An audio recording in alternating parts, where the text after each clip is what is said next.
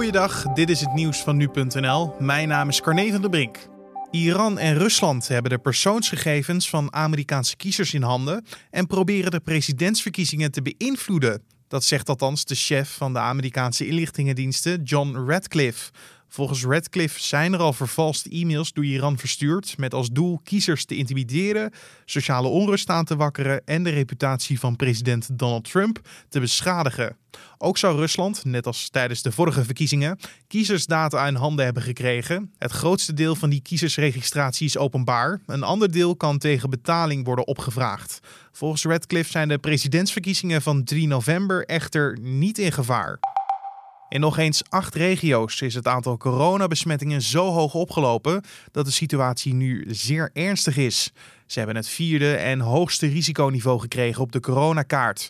Dan gaat het om de veiligheidsregio's Kennemerland, Gooi en Vechtstreek, Midden- en West-Brabant, Brabant-Noord, Gelderland-Midden, Gelderland-Zuid, Twente en Limburg-Noord. Het risiconiveau heeft vooralsnog geen gevolgen.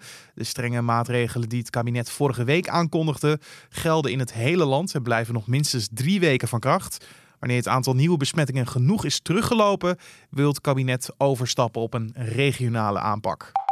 Nederlanders aten vorig jaar gemiddeld ruim 0,5 kilo meer vlees dan in 2018. Dat blijkt uit onderzoek van Wageningen University and Research.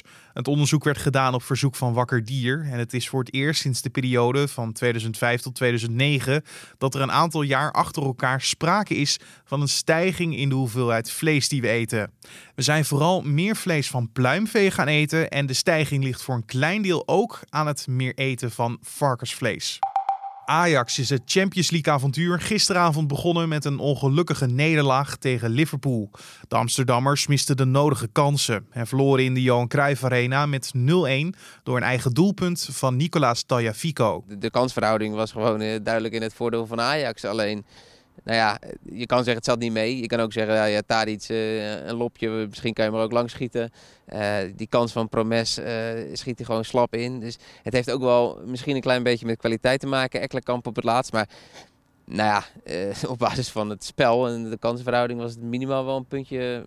Ja, was wel eerlijker geweest voor Ajax. Ja. Dat was een stukje uit de nabeschouwing van deze wedstrijd. De video daarvan kan je vinden op onze voorpagina. De andere wedstrijd in dezelfde pool werd door Atalanta met 0-4 gewonnen bij FC Midtjylland. Ajax heeft dinsdag uit tegen Atalanta een resultaat nodig om een flinke achterstand in de strijd om overwintering in het miljoenenbal te voorkomen. En tot zover de nieuwsupdate van nu.nl.